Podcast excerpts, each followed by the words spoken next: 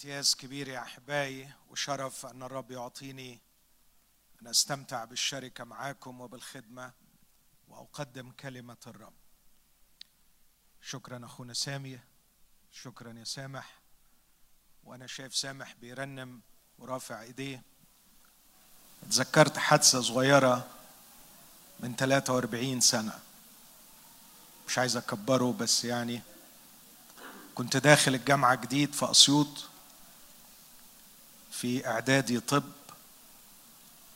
وكنا واقفين على ناصية مطعم معين وكنا إحنا الاتنين بعاد عن الرب.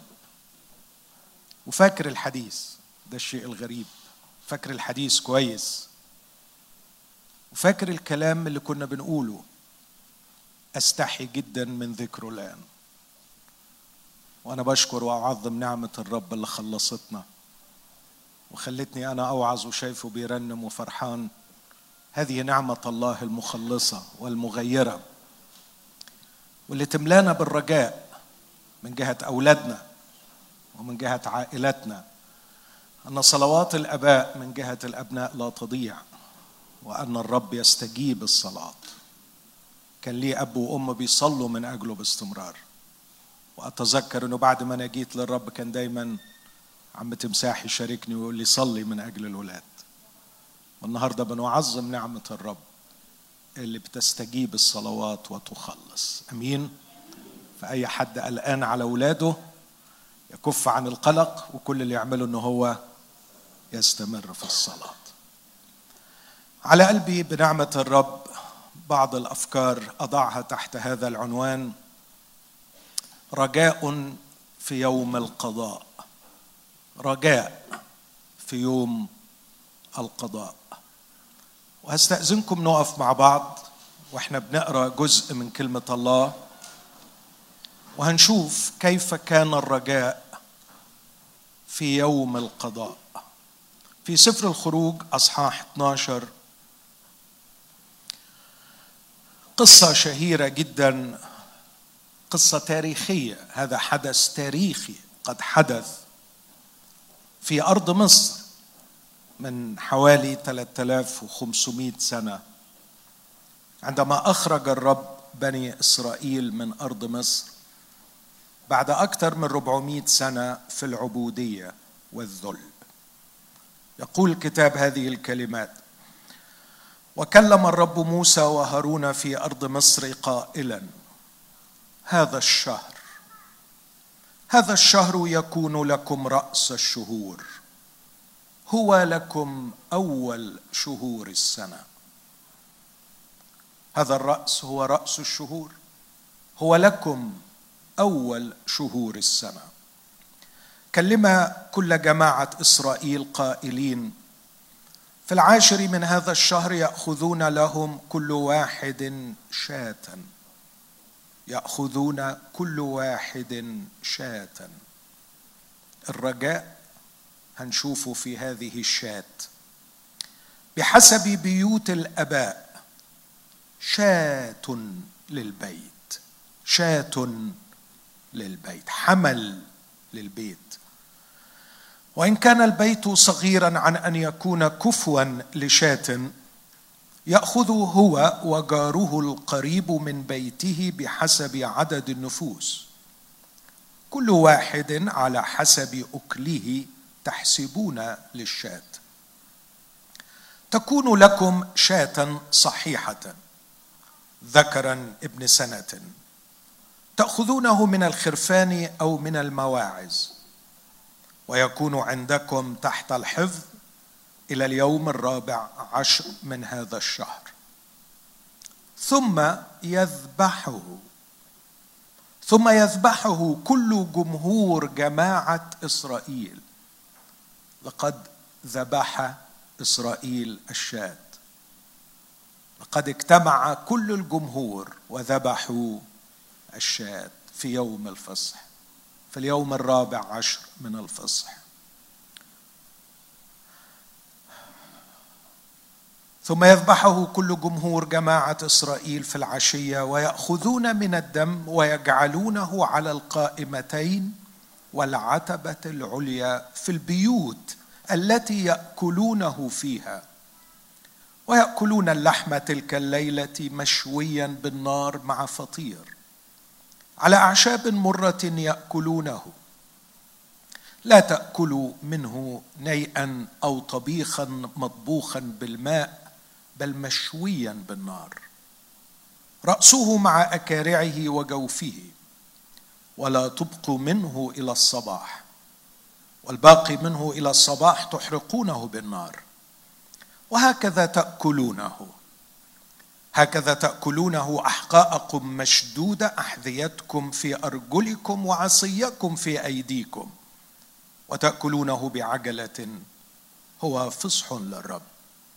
فإني اجتاز في أرض مصر هذه الليلة وأضرب كل بكر في أرض مصر من الناس والبهائم وأصنع أحكاما بكل آلهة المصريين.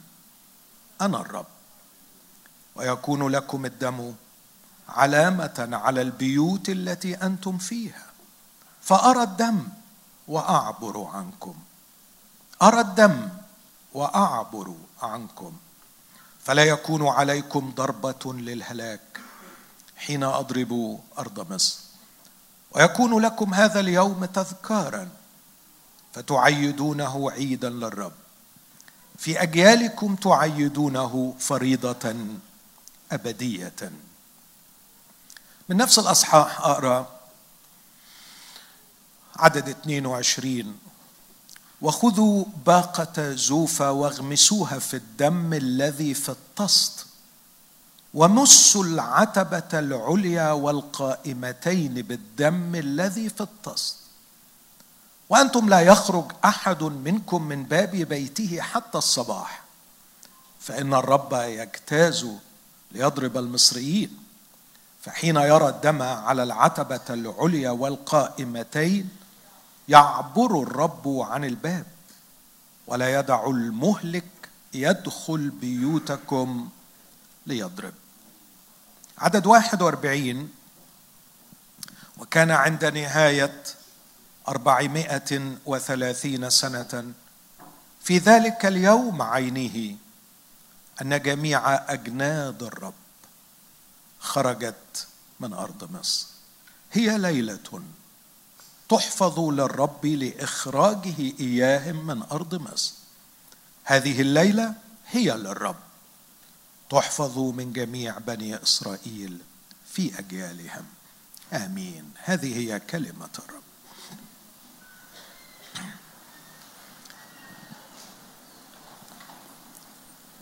وأنا بصلي في هذا الصباح وبفكر إلا الرب عايز يشجعني ويعزيني بيه وأشارككم بيه وأتعلمه معكم. وصلتني رسالة من أخت مرسلة من الخارج. تطلب مني أن أشاركهم في الصلاة من أجل المرسلين الموجودين في أوكرانيا حاليا. عدد كبير للغاية من المرسلين موجود في أوكرانيا. وبلادهم أرادت أن تسحبهم ليرجعوا إلى بلادهم حيث الأمان. لكنهم جميعهم رفضوا. وأصروا على أن يظلوا في أوكرانيا ليفتحوا الكنائس كملاجئ فتحوا الكنائس يعدوا فيها دفء وطعام. في إكو حصل كده فجأة. وهذا ما يعملونه الآن بينما أنا أتكلم. تحولت الكنائس إلى أماكن دافئة وأيضا تقدم الطعام للهاربين من بيوتهم من البرد والجوع ليجدوا في هذه الأماكن دفئا وشبعا. وعلى الفور رأيت التوافق بين هذه الرسالة وبين ما أفكر فيه. كيف أنه الآن بينما القضاء بينما الحرب تدور؟ إحنا كنا كويسين ما أعرفش إيه اللي حصل.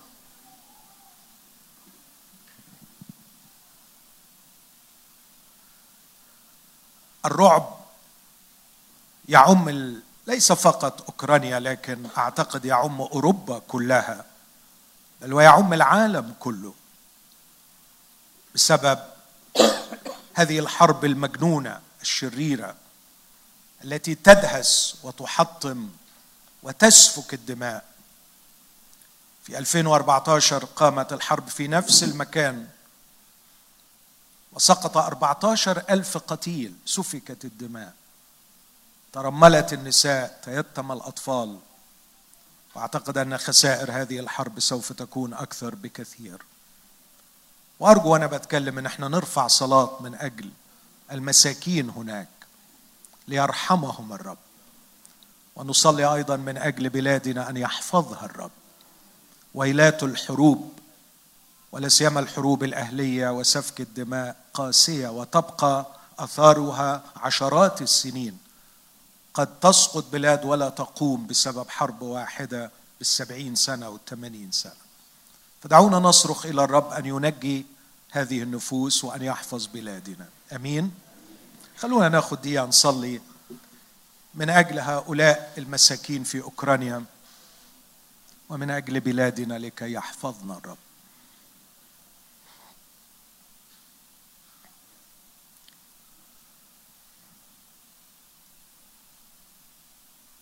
ربنا الحبيب يسوع نخر ونسجد أمامك. معلنين إيماننا بأنك أنت ملك الملوك ورب الأرباب. أنت رئيس ملوك الأرض. أنت الذي رفعك الله وأعطاك اسما فوق كل اسم. نحن نؤمن يا سيد بكلمتك. لما قلت دفع إلي كل سلطان في السماء وعلى الأرض. نحن نتضرع إليك يا جالس فوق كل رياسة وسيادة وسلطان أن ترحم عبيدك في أوكرانيا. أن تسمع صرخات الصارخين. وأن توقف هذا الشر. أن تسمع أنين الأسير والمسكين. وترحم وترفع هذا القضاء عن هذه الناس المساكين. وتضرع إليك يا رب أن تستثمر هذه الفرصة لخلاص الألاف بل والملايين. خلص يا رب واجعل من هذه الأماكن التي فتحت كملاجئ بيوتا للخلاص. نفوس تسمع الرسالة وتشفى وتنقذ. ليس من ويلات الحرب فقط لكن تنقذ من الهلاك الأبدي. خلص من الخطية يا رب وخلص من الظلم ومن الحروب. وإذا يا رب نرى هذا نشكرك من أجل بلادنا ونتضرع إليك أن تحميها نتضرع إليك أن تحفظ مصر يا رب. من كل شر يدبر في الخفاء من كل مؤامرة شريرة لكي تكون بلادنا في أمان. أعطي حكمة للرؤساء. أعطي نعمة لكل قائد لكي ما يعيش شعبنا في أمان. لأجل المسيح يا أبانا اسمع تضرعنا واستجب لنا. آمين. هذا المشهد مشهد أقدر أصفه بالقول مشهد خروج 12 قضاء في الأرض وعشاء في البيت. في الأرض يوجد قضاء فإني أجتاز كلمة مرعبة عدد 12 فإني أجتاز في أرض مصر في هذه الليلة وأضرب. في الأرض قضاء لكن الغريب جدا بينما القضاء يمس كل الأرض. توجد بيوت فيها عشاء فيها رجاء فيها وليمة. ربما خرج منها صوت الترنم والسبح ربما رددوا تسابيح علمها لهم أباءهم. وهم يسمعون الصراخ في نصف الليل. يصعدوا من كل بيت. كانوا هم هناك حول النار للدفء وحول اللحم المشوي في شعور عميق بالأمان. يتذكرون وعد الرب أرى الدم وأعبر عنكم. وربما إذا خاف طفل أو فتاة وسأل أباه أو أمه ما صوت هذا الصراخ؟ لماذا كل هذا الضجيج تكون الإجابة التي يطمئن بها الأباء أبناءهم؟ لا تخف يا بني. لا تخاف يا فتاتي لأن الدم مرشوش على الباب. وطالما الدم على الباب يمر القضاء في أرضنا ويسير من بيت إلى بيت بجوارنا لكن إلينا لا يقرب. لأن الرب وعد وهو لا يخلف الوعد. أرى الدم وأعبر عنكم. اطمئن يا ابني. اطمئن يا بنتي. لأننا في حمى الدم المرشوش على الباب. وطالما الدم مرشوش على الباب فقط استمتع بهذه الوجبة كل من لحم الشاة التي ذبحت. قضاء في الأرض. وعشاء في البيت. لكن يا إخوتي هذا القضاء الذي كان في الأرض له أسباب ولا بد أن الرب يقضي. ودول نقطتين أرجو إن إحنا نفكر فيهم دايما. الشر لن يستمر إلى الأبد. لابد أن تكون هناك نهاية للشر. ونهاية الشر دائما بالقضاء. لابد أن يتدخل الرب بالقضاء لينهي الشر. الفكرة الأولى أن هناك شر في الأرض. وطالما يوجد شر في الأرض حتما سيأتي القضاء. أرجو ما ننساش الأمر ده يا اخواتي لأنه للأسف الشديد قال الحكيم من آلاف السنين لأن القضاء على العمل الرديء لا يجرى سريعا امتلأ قلب بني البشر فيهم لفعل الشر. مشكلة إن البشر بينسوا أن الشر له حساب. في يوم يا إخوتي اسمه يوم القضاء. وفي هذا اليوم الرب سوف يقضي. أمين واضحة الفكرة دي؟ أتمنى إنه ما أضيعش فيها وقت لأقنع. أتمنى ما أضيعش وقت لأقنع. إنه ما فيش غلطة ما فيش شر هيمر بدون قضاء وحساب. أنا عارف إن الكلام ده تقيل عارف إن الكلام ده مش لذيذ. بس دي الحقيقة. اللي بدونها اسمعوني يا إخوتي لا لزوم للإنجيل ولا لزوم للصليب ولا لزوم لموت المسيح ولا لزوم للخلاص الذي يقدمه المسيح. لماذا جاء المسيح؟ ومات لكي يخلصنا من الشر ونتيجة الشر والقضاء. لو قلنا إن الشر ملهوش حساب وملهوش قضاء عاملين هيصة ليه؟ وبتتكلموا عن موت وصليب وخلاص وإنجيل وبشارة. إيه البشارة اللي عندنا نكرز بها إذا كان الشر سيمر بدون حساب. بتشوف غلط في حياتك؟ بتشوف غلط في حياة الآخرين؟ بتشوف شر بتسمع عنه في الشوارع وفي البيوت؟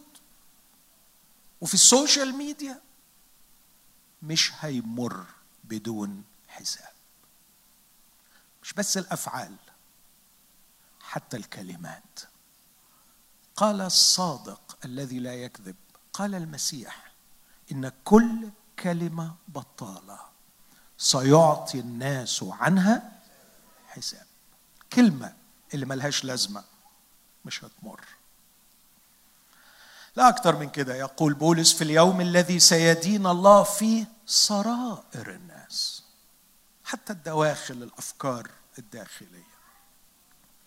تاني هقول اسمحوا لي أنا مش عايز أكون ممل لكن عارف إن الكلام ده مش لطيف. بس ده اللي حصل في أيام إرميا. إنه قعد يصرخ في الشوارع ويقول لهم الشر اللي عملتوه يا بني إسرائيل بابل نبوخذ نصر هيجي وهيقضي. بس تعرفوا الكهنة والأنبياء كانوا بيقولوا إيه للشعب تصدقوهوش.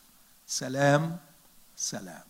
وإرميا يقول نقلا عن الرب اللي الرب بيشكل إرميا همه ويقول له بص يا إرميا الأنبياء تنبأوا بالكذب والكهنة تحكم على أيديهم. وبيقولوا سلام سلام. ولا سلام. بس المشكلة إن شعبي هكذا أحب. شعبي هكذا أحب أحب النبوة الكاذبة. إنه كل حاجة سلام ولا سلام. ويشفون كسر بنت شعبي على عسم. قائلين سلام سلام ولا سلام. حيث يوجد الشر لا يوجد رجاء في النجاة من القضاء إلا بالتوبة والرجوع إلى الله. ويكون هناك خلاص على أساس دم المسيح. وعلى أساس موته على الصليب من أجلنا. وحيث لا يوجد توجد التوبة والخلاص سيبقى القضاء. بل يمكث عليه غضب الله. يوجد قضاء. 400 سنة يذل الشعب في أرض مصر. سخرة ظلم قتل للأطفال. تخيل المنظر عندما يؤخذ الطفل من حضن أمه ويقتل. عندما يأتي القانون ليقول للقابلتين كل بنت تولد استحيياها وكل طفل كل ذكر اقتلاه. تخيل الأمر بالقانون إن إن الداية تروح تولد الست وبعد ما تولد اذا لقيته ذكر قدام عينين أبوه وأمه الداية تقتل الطفل. أعلى قانون أعلى سلطة. محدش يقدر يفتح بقه. اطرحاه في النهر أو اقتلوه. ظلم ظلم ظلم ظلم. يصرخون من الظلم لأن المطلوب ثقيل فيمنع عنهم القش ويطلب منهم أن يجمعوا يمنع عنهم التبن. ويطلب منهم أن يجمعوا قشا من الأراضي لكي يصنعوا نفس المطلوب منهم من الطوب الذي ينبغي أن يصنعوا. والسماء تنظر وتسمع صراخ وأنين المساكين ويبدو كأنها صامتة. لا تتكلم ولا تتدخل. أنا قلت من شوية في فكرتين.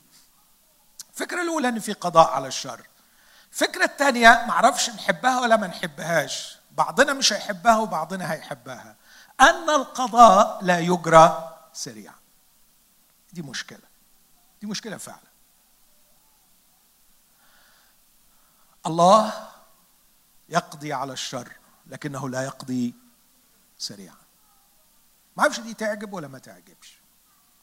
أكيد في ناس تقول ما هو ده سر البلاء زي ما الحكيم قال لأن القضاء على العمل الرديء لا يجرى سريعا في سفر الجامعة امتلأ قلب البشر فيهم لفعل الشر. فناس تقول يعني ما هو حاجة مش كويسة لأنه النتيجة إن البشر بيتصوروا إن ربنا مش شايف وهم قالوا كده في سفر ملاخي فعلا.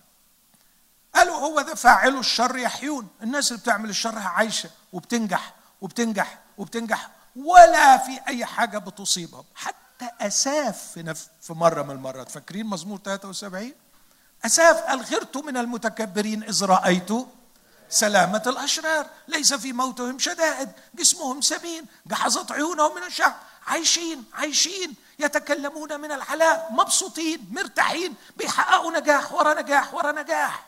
فين بقى؟ عمالين تقولوا لنا بس ابعدوا عن الشر ابعدوا عن الشر. أهم ملاخي ها نحن نطوب المستكبرين.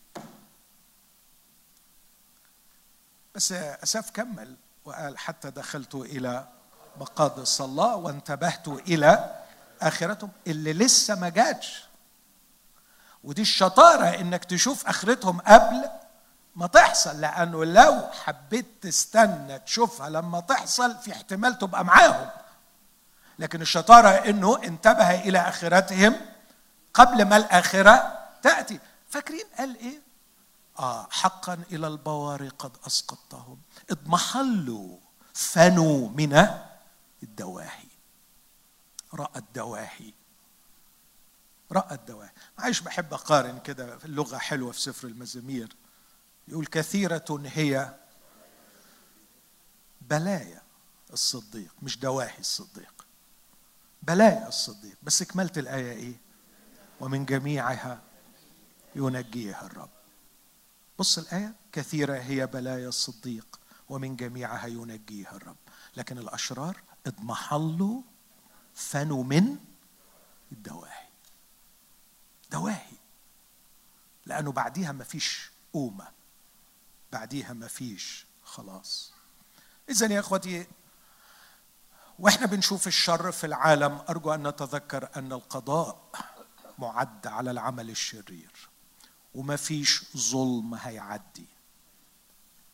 بوتين ولا غير بوتين ولا ولا فلان ولا علان ولا هتلر ولا ولا ولا ما فيش ظلم حدث في الأرض سيمر بدون عقاب وقضاء. لكن الفكرة الثانية إن القضاء على العمل الرديء لا يجرى سريعا. وزي ما قلت إن في ناس هتتضايق زي أساف وزي ناس كتير. بس على فكرة إحنا أكتر ناس استفدنا من عدم سرعة القضاء. لو كان الرب حاسبني على شروري قبل أن يرحمني ويخلصني كنت هلكت إلى الأبد. عشان كده الرسول يقول اسمعوا يا إخوتي في بطرس الثانية ثلاثة يأتي قوم مستهزئون يقولون أين هو موعد مجيئه؟ كل شيء منذ ابتداء الخليقة باق كما هو. فيش لا غطاء لا قضاء ولا غضب ولا كلام من ده من فاضي ده كل ده حكايات بيحكوها الناس بتوع الكنايس لكن الرسول يقول كلا لا يتباطأ الرب عن وعده كما يحسب قوم التباطؤ لكنه يتأنى وهو لا يشاء أن يهلك أناس بل أن يقبل الجميع إلى التوبة. لذلك احسبوا أنات ربنا خلاصا. احسبوا أنات ده مش تباطؤ. ده مش إهمال ده مش تجاهل لكنها أنات. واحسبوا أناته خلاص. كل يوم الرب بيتأنى في ناس بتخلص. كل يوم الرب بيتأنى في ناس أمين؟ في ناس بتخلص. واحد من الخدام قال لا أستبعد إنه أول يوم الكنيسة اتكونت فيه خلصوا 3000 نفس وكان الرب عايز يقول أهو من ده كل يوم. على مستوى العالم مش بعيد ابدا. وربما أكثر من هذا إن كل يوم في 3000 نفس تخلص. احسبوا أناة ربنا خلاصا. في قضاء في الأرض. لكن أيضا وأنا بصدد الكلام عن القضاء في الأرض أقول أن القضاء في الأرض سيكون على العالم المنظور وعلى العالم غير المنظور. وأرجو أن لا نتجاهل هذا أحبائي. فالعالم الكتاب علمنا أن الله خلق ما يرى وخلق ما لا يرى. وما لا يرى في رؤساء وفي سلاطين وفي أجناد وللأسف منهم ملائكة أطهار لكن أيضا في ملائكة أشرار. فالعالم فيه ما يرى وفيه ما لا يرى. وعندما سيأتي القضاء لن يكون القضاء فقط على العالم الذي يرى لكن سيكون أيضا على العالم الذي لا يرى. هقرا بعض الآيات ومش هتوقف كثيرا عند هذا الأمر. لكن ليه بقول كده؟ لأن الرب في عدد 12 يقول فإني أجتاز في أرض مصر هذه الليلة وأضرب. عندما يأتي ليضرب سيضرب. أضرب كل بكر في أرض مصر من الناس والبهائم. أهو ده العالم المنظور. لكن اسمع وأصنع أحكاما بكل آلهة المصريين إيه آلهة المصريين إيه آلهة المصريين؟ أرجو إنه ما نسطحش الأمور وحد يتصور آلهة المصريين حتة حجر هنا وحتة ذهب هنا وحتة تمثال، ربنا ما عندوش مشكلة مع الحجر والذهب. لكن الموضوع أكبر من كده آلهة المصريين كانت أرواح شريرة تسود وتملك ولم تزل الأرواح الشريرة تسود وتملك في العالم على كل من لم يحتمي في دم يسوع المسيح. اسمعوا يا إخوتي هذا الأمر أكرره. قبل برج بابل ما كانش فيه عبادة وثنية. لا نقرأ عن عبادة وثنية. كان في ظلم كان في شر في الأرض. وعشان كده الرب تعامل مع البشر بالطوفان لكن ما كانش فيه عبادة وثنية. لكن بعد برج بابل حصلت كارثة كبرى.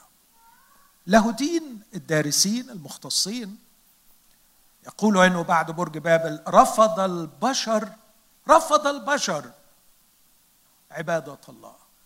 رفضوا الخضوع له بأي شكل من الأشكال. وأرادوا أن يتواصلوا مع الأجناد الشريرة لكي تأتي وتملك عليهم. وقد حدث. وقد حدث أن الرب للأسف سلم. سلمهم لفكر قلوبهم. سلمهم لرغباتهم. فعبدوا آلهة أي كائنات ملائكية شريرة ساقطة صارت هي آلهتهم. نقرأ في سفر دانيال عن رئيس مملكة فارس. نقرأ عن رئيس اليونان. وصارت النفوس في قبضة هذه القوات الشريرة.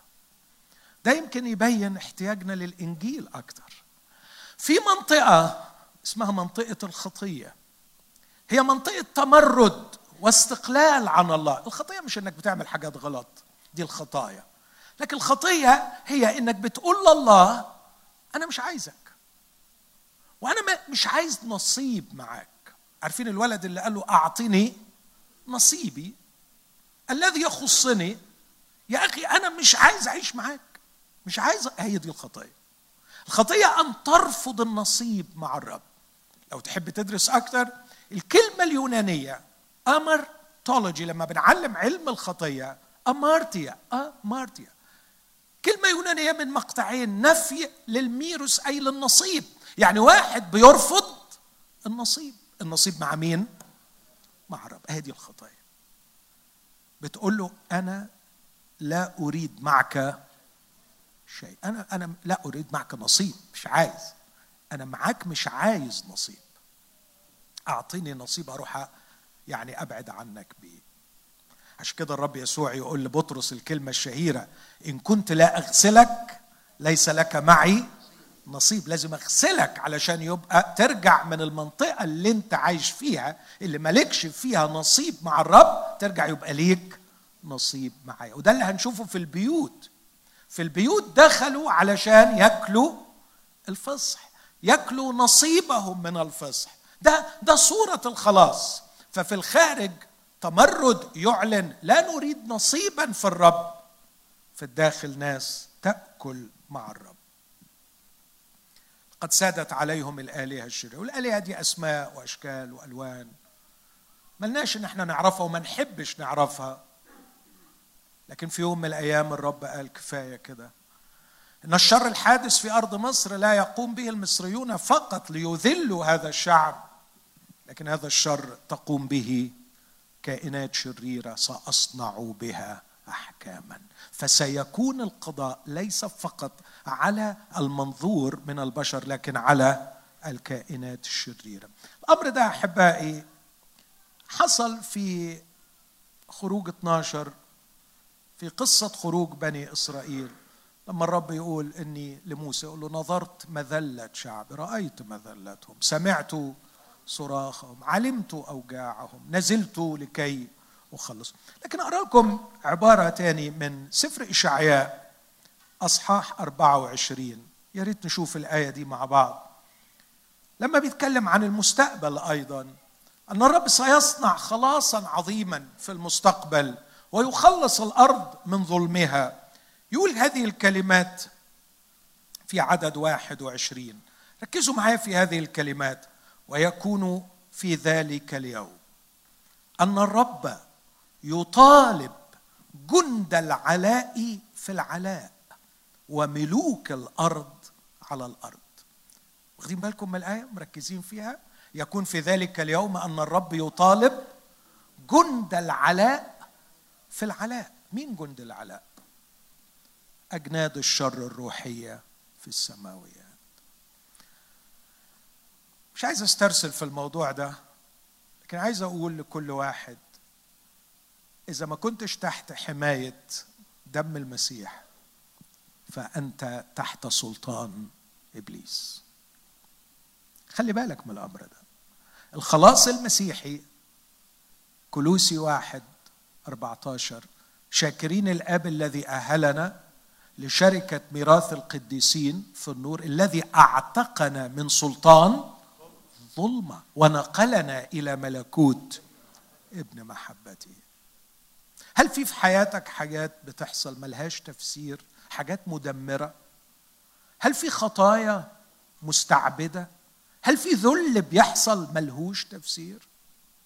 تفسيره إنه في كائنات شريرة بتتحكم في البشر تذل وتقهر وتعذب. البشر يعذبون من سلطان الأرواح الشريرة. يكون في ذلك اليوم أن الرب يطالب جند العلاء في العلاء وملوك الأرض على الأرض. في مطالبة لغير المنظور وفي مطالبة للمنظور. لكن كمان يقول ويجمعون جمعا كأسارى في سجن ويغلق عليهم في حبس. ثم بعد أيام كثيرة يتعهدون ويخجل القمر وتخزى الشمس لأن رب الجنود قد ملك. في جبل صهيون وفي أورشليم وقدام شيوخه مجد. حتما سينهي الرب هذه المأساة. فيكملوا الشعب وهم بيشوفوا الرب بيخلص من الأجناد الغير منظورة ومن الأجناد المنظورة. فيقول استكمل في عدد إصحاح 25 يا رب أنت إلهي أعظمك. أحمد اسمك لأنك صنعت عجبا. مقاصدك منذ القديم أمانة وصدق. عدد تسعة ويقال في ذلك اليوم هو ذا هذا إلهنا انتظرناه فخلصنا. هذا هو الرب انتظرناه. نبتهج ونفرح بخلاصه. في قضاء على الآلهة الشريرة الأرواح الشريرة التي تسود لكن في قضاء كمان على من ظلم من البشر. رسول يقول في كلوسي أربعة وأما الظالم فسينال ما ظلم به وليس محاباة. يوجد قضاء قضاء في الأرض لكن أنتقل بسرعة للفكرة الثانية. قضاء في الأرض وعشاء في البيت. في بيت بقى في رجاء وفي عشاء. رب بيقول لموسى أيوه في قضاء هيتم في الأرض كلها لكن عايزك تبلغ شعبي أحلى خبر وأروع خبر. إنه أنا هعمل لهم ملجأ يدخلوا فيه ويحتموا فيه من القضاء. خدوا بالكم أحبائي من الفكرة اللي هقولها دي. هم كانوا عشر ضربات. غريبة قوي إنه كل الضربات اللي قبل الضربة العشرة كانت على المصريين لكن لا تمس بني إسرائيل. يعني مثلا البرد يجي في حتة ما يجيش عندهم. الضلمة تيجي عند المصريين ما تجيش عند إسرائيل. الدبان الجراد الضفادع. بنو إسرائيل كانوا في أمان بس الضربة دي هتاخد ده وده. هتدخل لأرض جسان هتدخل لأرض المصريين. وهنا لينا درس رهيب إنه الخطية والظلم والشر كان أيضا موجود عند بني إسرائيل. والمهلك هيضرب هنا وهيضرب هنا وده وده. ما فيش أمان ولا حماية إلا في الدم. يعني بني إسرائيل قدام ضربة المهلك ما يقدرش يقول لا أنا في أمان لأني من بني إسرائيل. مش هينفع. مش هينفع يقول أنا في أمان لأني مختون في اليوم الثامن مش هينفع. مش هينفع يقول أنا في أمان لأني من نسل إبراهيم. مش هينفع. لأن المهلك سوف يضرب هنا ويضرب هنا. وفي هذا درس للمسيحيين اليوم. إخوتي الأحباء لا تظنوا أن المعمودية والانتماء للكنيسة وأحيانا الخدمة في الكنيسة سوف تنقذكم من قضاء الله. لا ينقذ من قضاء الله إلا عشاء الفصح. أن ترش بدم الحمل وأن تأكل عشاء الحمل. أن تأخذ نصيبك من الوليمة. أن تأكل جسده كما علمنا. من يأكل جسدي ويشرب دمي. يثبت في وأنا فيه. بالمعنى الصحيح لهذه الآية المعنى الروحي الذي نفهمه. يوجد عشاء في البيت للنجاة. هذا العشاء يعتمد على ذبح الحمل وسفك دمه ورش دمه على العتبة العليا والقائمتين وكأنه صليب حط على العتبة العليا والقائمتين. وفعلا اللي هيعدي ويشوفه من بعيد هيحس إنه شايف صليب كأن العلامة على البيوت هي علامة الصليب. الدم المرشوش على البيوت لكن أحب أقول عن الفصح. اسمعوني في الكلمة اللي جاية دي. الفصح ليس فقط دم يرش لكن أيضا لحم يؤكل.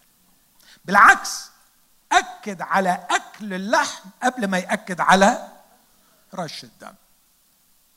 إيه المقصود بالفكرة دي؟ إن كتير من المسيحيين من الممكن يقول خلاص أنا احتميت الدم قد رش, يا رب علي دمك. وخلاص على كده. رش عليا دمك وأنا طلبت من الرب إنه يرش عليا دمه في نهضة ولا في مؤتمر وأنا متأكد إن الرب استجاب. أو تروح لخادم أو اسيس وتقول له أنا طلبت من الرب إنه يحميني في دمه. الخادم يقول لك مبروك عليك يبقى أكيد الرب حماك في دمه. لا دي نص الحكاية. خلي بالك لألا تكون موهوم ومخدوع لأنه الحقيقة التركيز في الأول ليس عن رش الدم بل عن أكل اللحم. أنت لازم تدخل وتعمل إيه؟ أه؟ وتاكل وما تقدرش تفصل الاثنين عن بعض. ما فيش دم مرشوش من غير حمل يؤكل. تاكل تاكل تاكل. قال المسيح من أنا هو الخبز الحي النازل من السماء؟ من يأكلني؟ يحيا بي الأصح ده على الأقل فيه 25 رمز للمسيح يسوع. 25 رمز. فالفصح كله يتكلم عن المسيح. كله. مش عايز أخد وقت. آه، أقول حاجة ولا اتنين بس علشان تشوفوا روعة روعة الكتاب المقدس وتطابق العهد القديم مع العهد الجديد. مش محتاج أثبت إن الفصح هو المسيح لأنه المسيح اختار بإرادته أن يذبح في يوم الفصح. هم رؤساء الكهنة قالوا ليس في الفصح لئلا يكون شغب في الشعب لكن المسيح هو الذي قرر واختار أن يذبح في يوم الفصح. رسول بولس في كورنثوس الأولى خمسة يقول فصحنا المسيح قد ذبح من أجلنا. يوحنا المعمدان يشوف يقول هو ذا حمل الله الذي يرفع خطية العالم. المسيح هو الحمل هو الفصح. لكن حاجات كتيرة قوي. مثلا خد يؤخذ في اليوم العاشر ويكون تحت الحفظ من اليوم العاشر. وبعدين يذبح في اليوم الرابع عشر. لقد دخل المسيح إلى أورشليم في اليوم العاشر. ورآه إسرائيل. وكان عندهم تحت الحفظ إلى اليوم الرابع عشر في الأيام دي من يوم الحد ساعة لما دخلوا هتفوا له وقالوا مبارك الآتي هو ده ملك إسرائيل هو ده ابن داود. قاعدين رؤساء الكهنة يدوروا على شهود زور علشان يلاقوا عليه علة. وفي اليوم الرابع عشر أعلنت النتيجة. هيرودس يقول ليس فيه علة. وبيلاطس يقول ليس فيه علة. ورؤساء الكهنة ملك حتى شهود الزور ما نفعوش عشان يعلن أمام الجميع أن الحمل بلا عيب. بشهادتهم بشهادة المحكمة الدينية بشهادة المحكمة المدنية الكل فحص يسوع ولم يستخرجوا منه عيبة واحدة علشان يتم خروج 12 إنه الحمل يؤخذ في اليوم العاشر ويوضع تحت الحفظ إلى اليوم الرابع عشر. وفي النهاية الجميع يشهد ليس فيه عيب. قال جون ستوت مرة عبارة جميلة.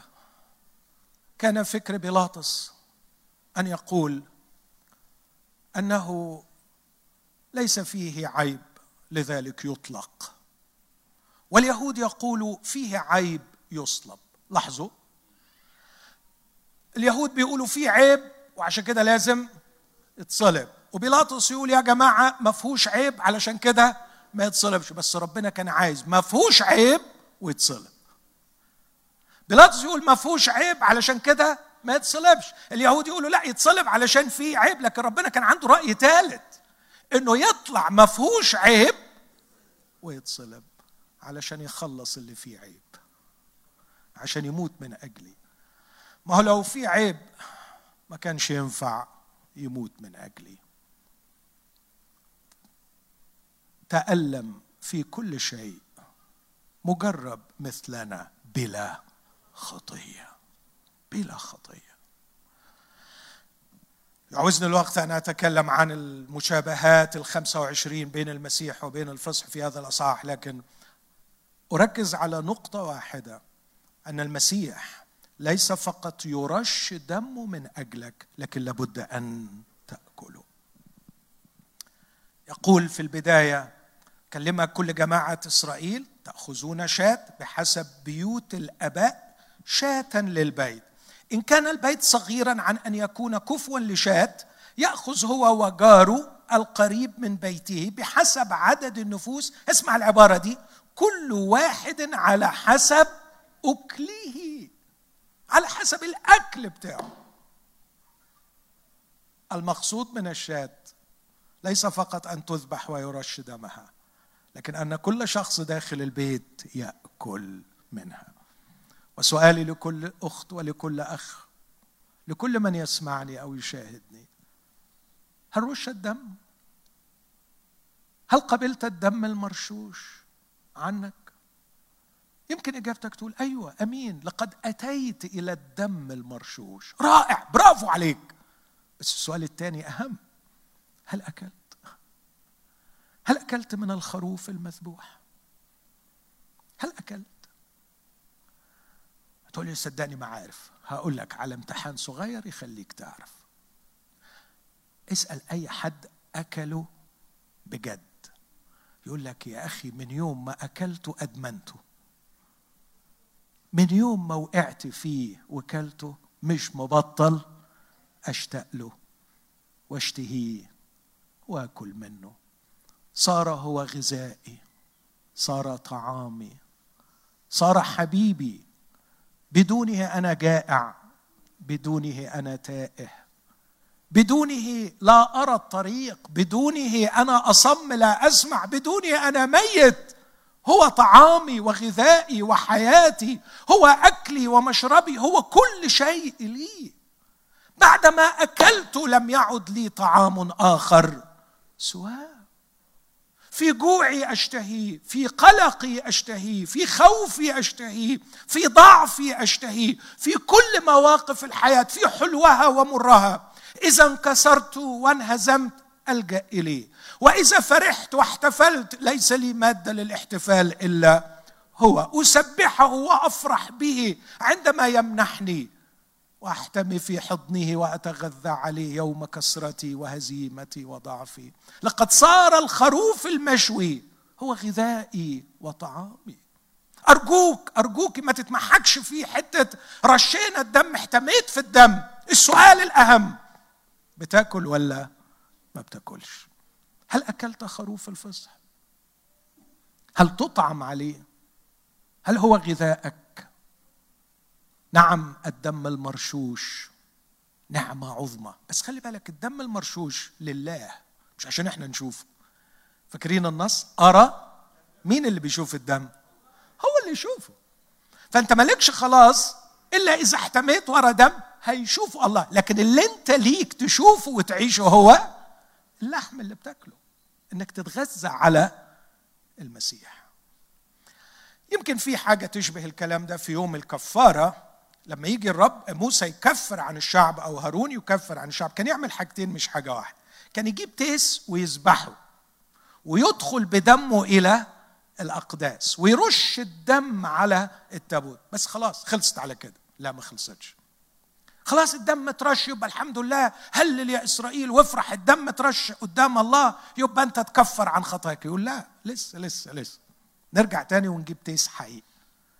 ويأتي شيوخ بني إسرائيل ويضعوا أيديهم على التيس ويقروا بخطاياهم وسيئاتهم ومعاصيهم وكل ما فعلوا ثم يطلق هذا التيس إلى عزازيل معناها العزل إلى الخراب أي تذهب هذه الخطايا إلى الخراب ولا تعود ترى في محلة بني إسرائيل. واخدين بالكم من؟ الاثنين بيكملوا بعض. لا يوجد رمز واحد يحكي القصة كلها. فرش الدم يرصد جانبا أكل اللحم يستكمل القصة. اختم في النقطة دي ويبقى فاضل لي نقطة ثالثه وأكتفي. قال أرثر بينك وهو لاهوتي كالفيني مشهور ومعلم قدير في كلمة الله والعهد عليه في هذا الاستنتاج الذي أعتقد أنه صحيح. قال إنه في عدد 23 اللي قريته مع حضراتكم يقول فإن الرب يجتاز ليضرب المصريين فحين يرى الدم على العتبة العليا والقائمتين يعبر الرب عن الباب. ولا يدع المهلك يدخل بيوتكم ليضرب. أرثر بينك يقول إنه في هذا العدد في شخصين معديين في الليلة السوداء دي مش شخص واحد. واخدين بالكم من النص؟ في الرب وفي كمان المهلك. المهلك ده ملاك مهلك. ملاك بيدمر بيهلك. وغالبا كان بيطالب جند العلاء في العلاء يعني بيصنع احكاما بآلهة المصريين فبعت لهم ملاك عنده الرب ملائكه أقوى منهم زي بتاع رئيس فارس ورئيس اليونان راح بعت له ما قدرش عليه الملاك الغلبان اللي كان جاي راح بعت له ميخائيل. فاكرين القصة دي في سفر دانيال؟ فواضح إن المهلك ده ملاك قوي جبار طاح في آلهة المصريين في اليوم ده وحبسهم ربما ورماهم ربما في سجن بقيود تحت الظلام. معرفش إيه اللي عملوا فيهم. الكتاب ما قالناش. مش عايز أستنتج. لكن يقينا تم كلام الرب. أصنعوا احكاما بآلهة. المصريين كان يوم أسود على آلهتهم قبل ما يكون على الناس اللي, اللي موجودة. وإن شاء الله ربنا يبعت أيام سودة على الآلهة الشريرة دي. يقول أمين. ها؟ ويضربهم ضربة كده. ويخلصنا من كل إله شرير. الناس بتعبده. والناس بتمشي وراه. لكن مش بس المهلك بيعدي. كمان الرب بيعدي. أرثر بينك يقول إن الكلمة اللي جات هنا إن الرب لما يعبر الكلمة بسخ يعني يفرد جناحاته على الباب. فهم رشوا الدم الرب معدي وراه العسكري بتاعه يرى الدم على الباب يروح فارد جناحاته. المهلك ماشي بالسيف بتاعه يلاقي البيت محمي بمين؟ بالرب. مش بس بالدم لأنه الرب بيفرد جناحاته على على البيت المرشوش بالدم وكأنه بيقول له البيت ده تبعي. يعلن ملكيته على البيت. فالمهلك ياخد بعضه ويعمل إيه؟ مش ما يقدرش. ما هو عشان يفوت في البيت لازم يفوت في الرب ومفيش حد يقدر يفوت في الرب. تخيل المنظر الجميل ده تخيل تخيل روعة هذا التعليم. عندما رش علي الدم صرت تحت حماية جناحي الرب. قد فرد جناحيه عليه لكي يحميني. ليس لبر فيه. بالعكس أنا أنا عديم البر. أنا الخاطئ. لكن الدم اللي سفك عني دفك من واحد بار بلا عيب.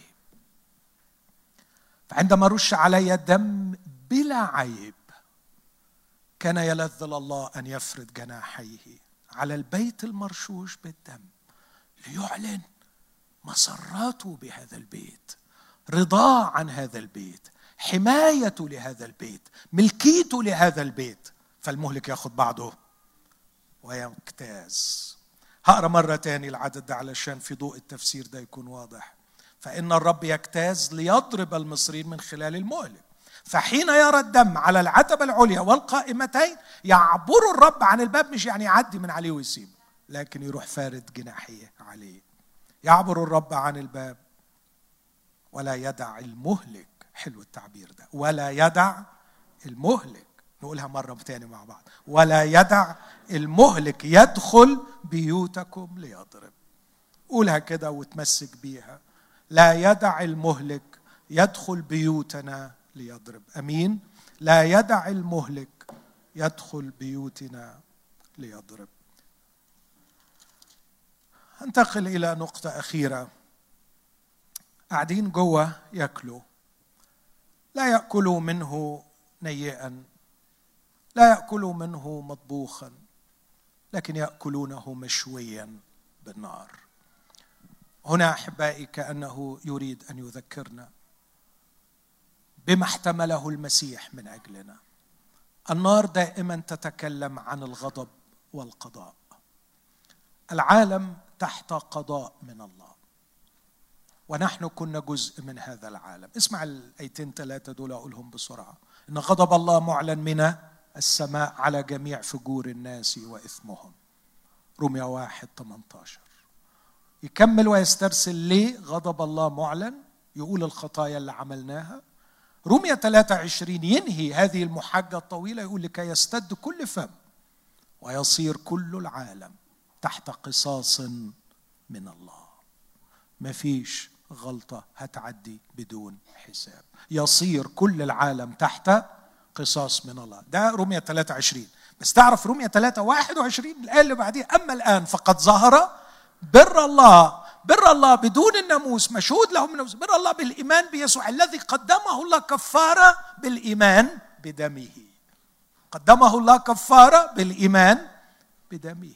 قد قدم الحمل الذي مات من أجلنا لكي من خلال دمه يعبر عنا الغضب.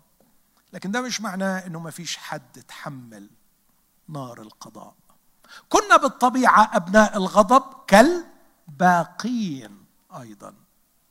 يقول رجعتم تسالونيك الأولى واحد عشرة. رجعتم إلى الله من الأوثان لتعبدوا الحي الله الحي الحقيقي تنتظروا ابنه من السماء يسوع الذي ينقذنا من الغضب الآتي.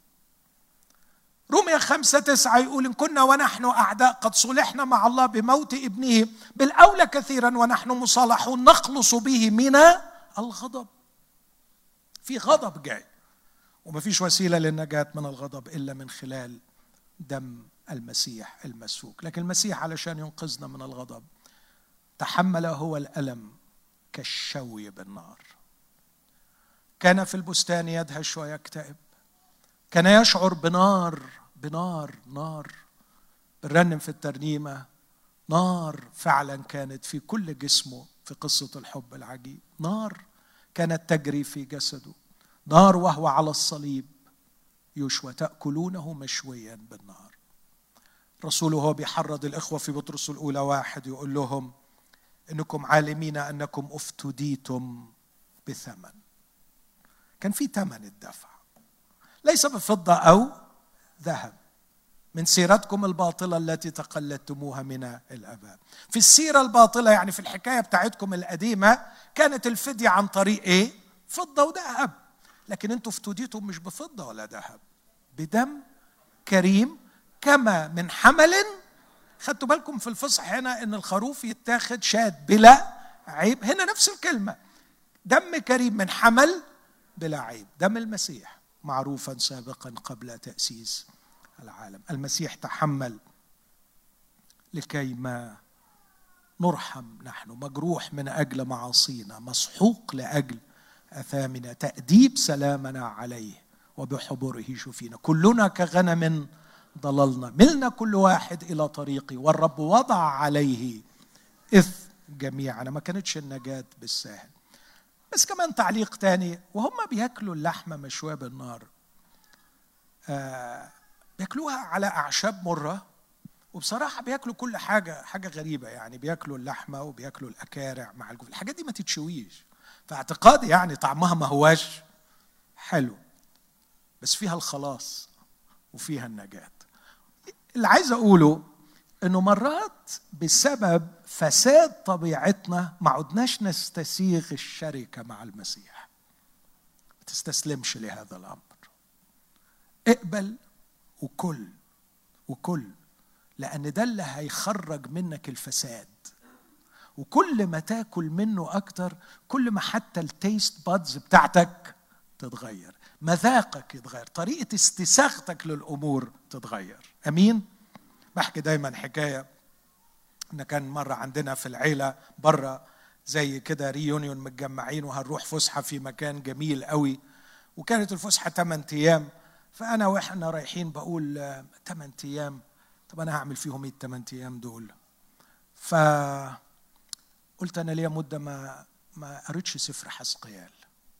وسفر حسقيال 48 أصحاح. وهي خلاصة الرحلة ست أيام. فأنا كل يوم هقرأ ثمان أصحاحات وأكتب تلخيص ليهم. فخدت كشكول معايا كده وكنت كل يوم الصبح قبل ما الناس تصحى أقعد على البيتش وأقعد أقرأ الثمان أصحاحات بتوعي وألخصهم. فلما رجعت صديق عزيز بيسألني بيقول آه أنا سمعت إنك رحت الحتة دي أخبارها إيه؟ قلت اتبسطت أشكر الله. قال لي إيه أكتر حاجة بسطتك؟ قلت له أقول لك بأمانة سفر حزقيال ما انساش التعبيرات اللي على وشه. الراجل جات له حالة ذهول وقال لي اسم المكان اللي كنت فيه. ده وحزقيال don't mix قلت له لا يا حبيبي دي mix قوي.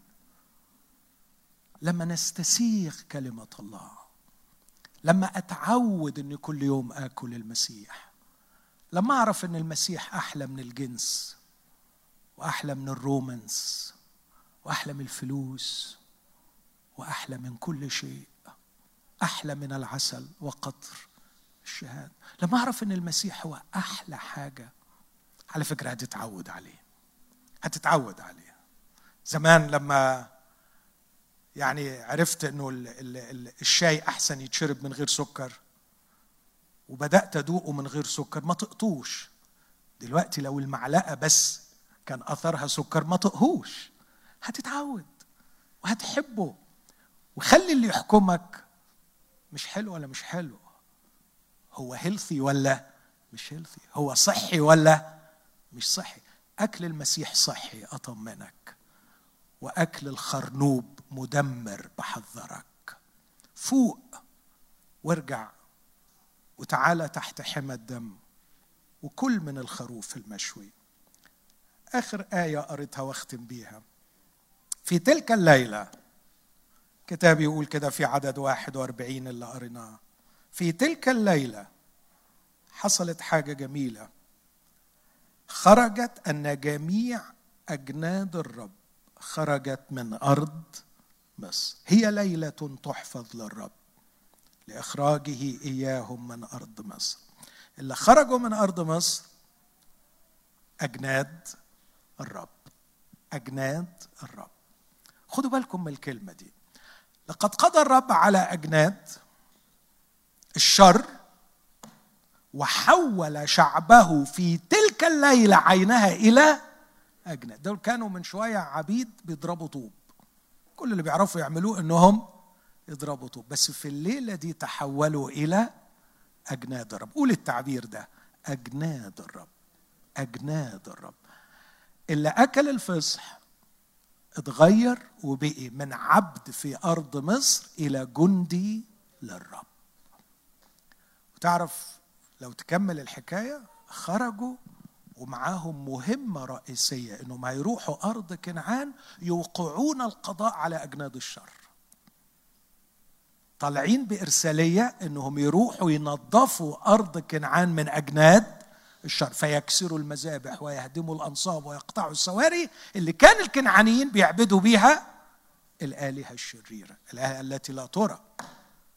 فتحولوا إلى أجناد الرب يقاوموا إبليس فيهرب منهم. فمش بس ياكلوا ويتغذوا لكن كمان يتحولوا إلى أجناد محاربين لحساب الرب. أسأل ثلاث أسئلة. هل تؤمن بالقضاء الإلهي على الشر؟ أم خدعك إبليس وتظن أن الشر سيمر دون عقاب؟ أرجوك تعرف أن الروح القدس الذي يتكلم بيننا الآن قال عنه المسيح أنه أتى إلى العالم ليبكت العالم على دينونه لأن رئيس هذا العالم قد دين. هذه رسالة الروح القدس في دينونه. وروح القدس يبكتك على الدينونة لأن رئيس هذا العالم قد دين والدينونة آتية. الدينونة آتية. الأمر الثاني هل تعرف أنه يوجد خلاص في وقت القضاء؟ هل تعلم أنه يوجد بيت آمن في دفء وفي عشاء وفي رجاء؟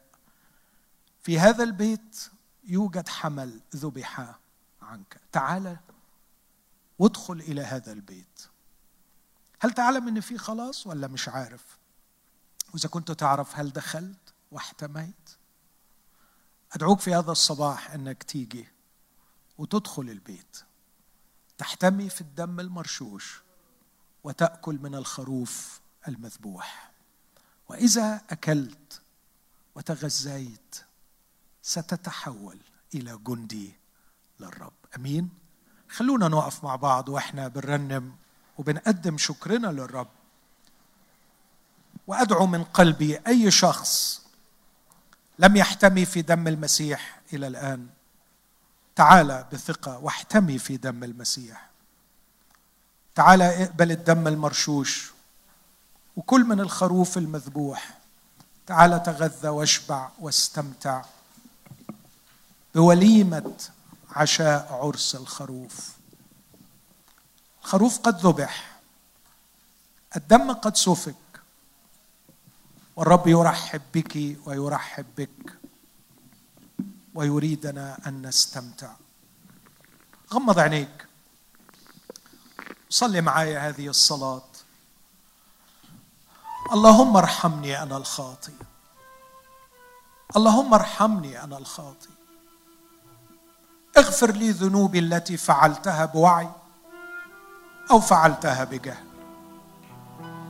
اغفر لي يا الله رفضي ليك وكلامي الغبي لما قلت مش عايز ليا معاك نصيب. سامحني.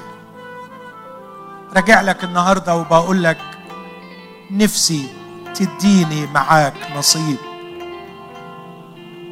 أعطني نصيب يا أبي معك. وليس بعيدا عنك. قلها من قلبك. أريد معك نصيب. أريد معك نصيب.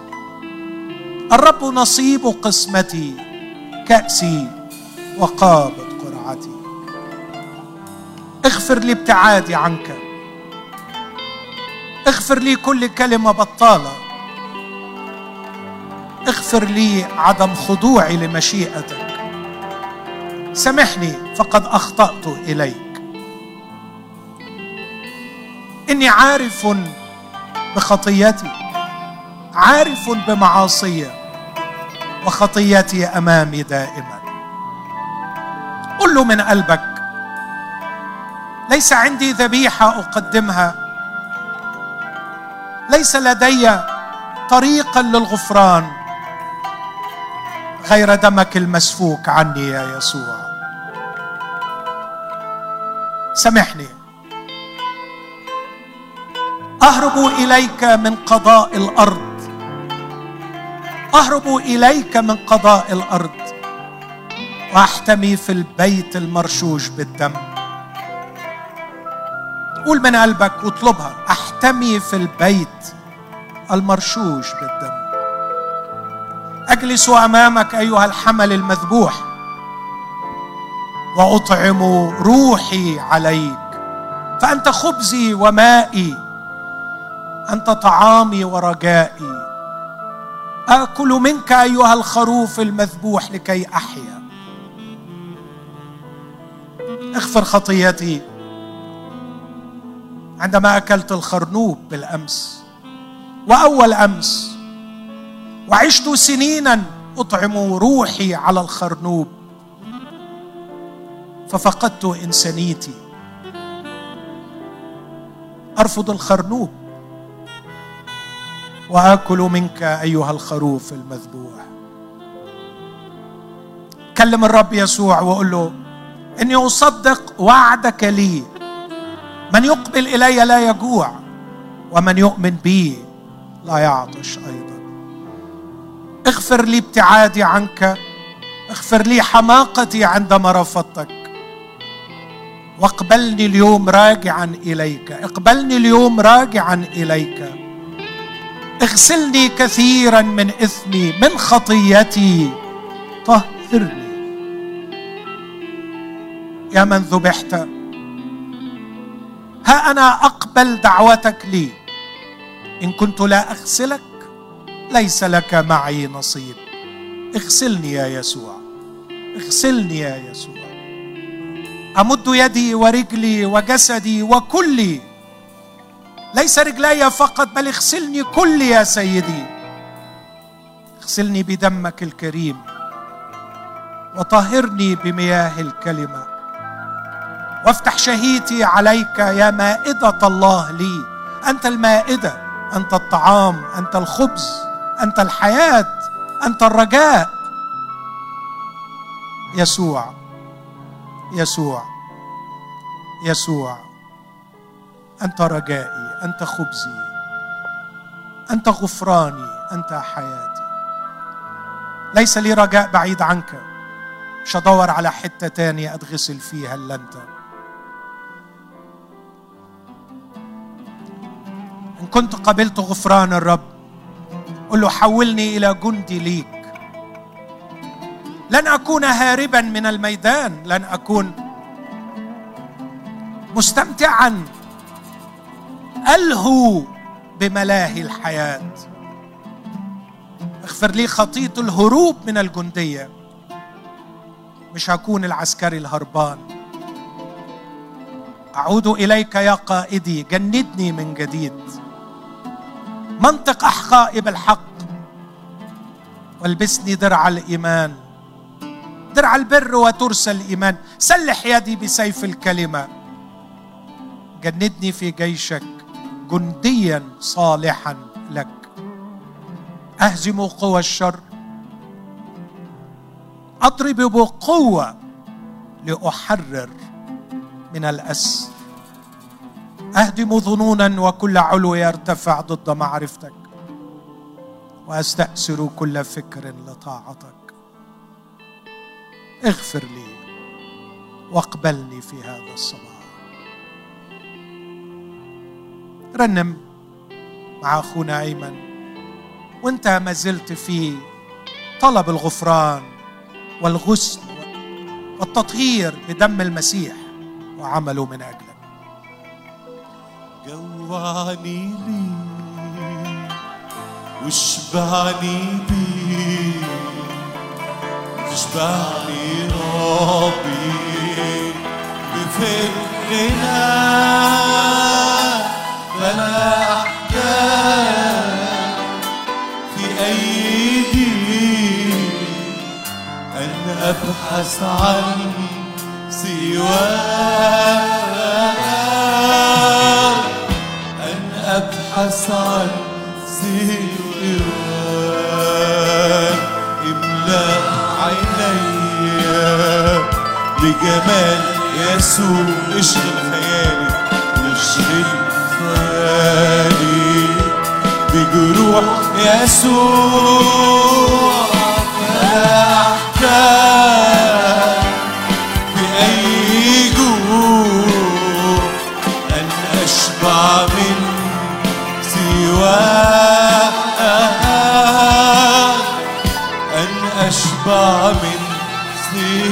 املى عينيا املى عيني بجمال يسوع يسوع اغسل خيالي بجروح يسوع فلا احتاج في أي جوع أن أشبع من سواك.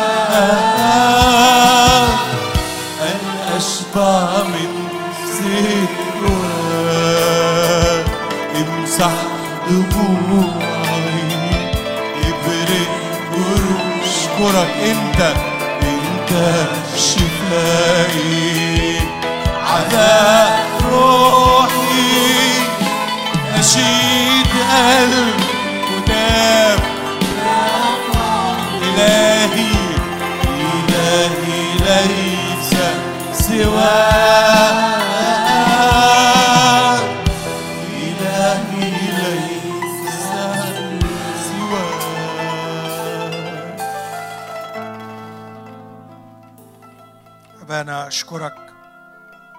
لأجل كل نفس موجودة في هذا المكان.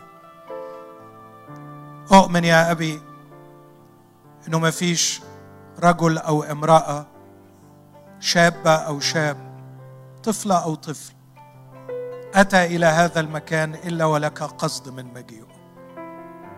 تضرع إليك أيها الآب المحب أن تلين القلوب التي تقست وان تسقط القشور من الأعين.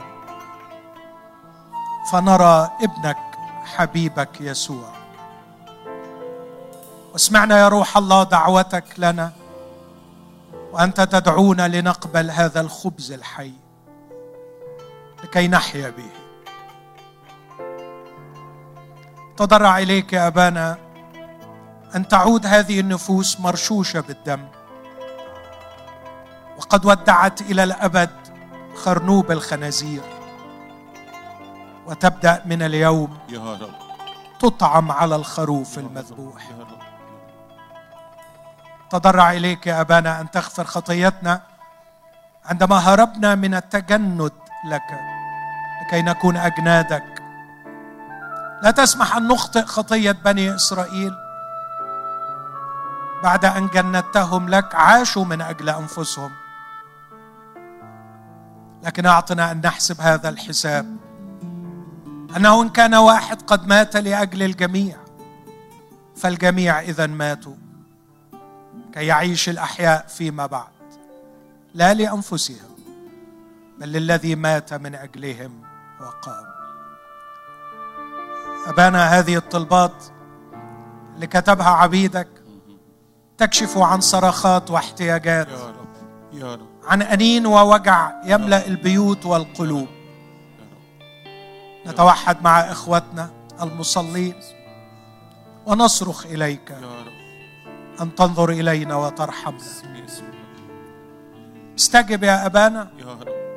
ليس لبر ولا استحقاق فينا. لكننا ننظر إلى بر الحمل المذبوح الذي رش علينا. والذي به نتغطى أمامك. من أجل هذا الدم الكريم. يا رب. ومن أجل المسيح ابنك. استجب صرخات الصارخين. يا رب. ومرة أخرى أذكر يا رب. اخواتنا المكسورين في أوكرانيا. يا رب. تحنن عليهم. يا رب. وارحمهم. يا رب. واجعل هذه الأيام الصعبة أيام خلاص لهم. ليس فقط خلاص من الدم والظلم يا رب يا لكن خلاص من الخطية رب يا والهلاك رب يا رب. في اسم المسيح يا أبانا استجب. آمين.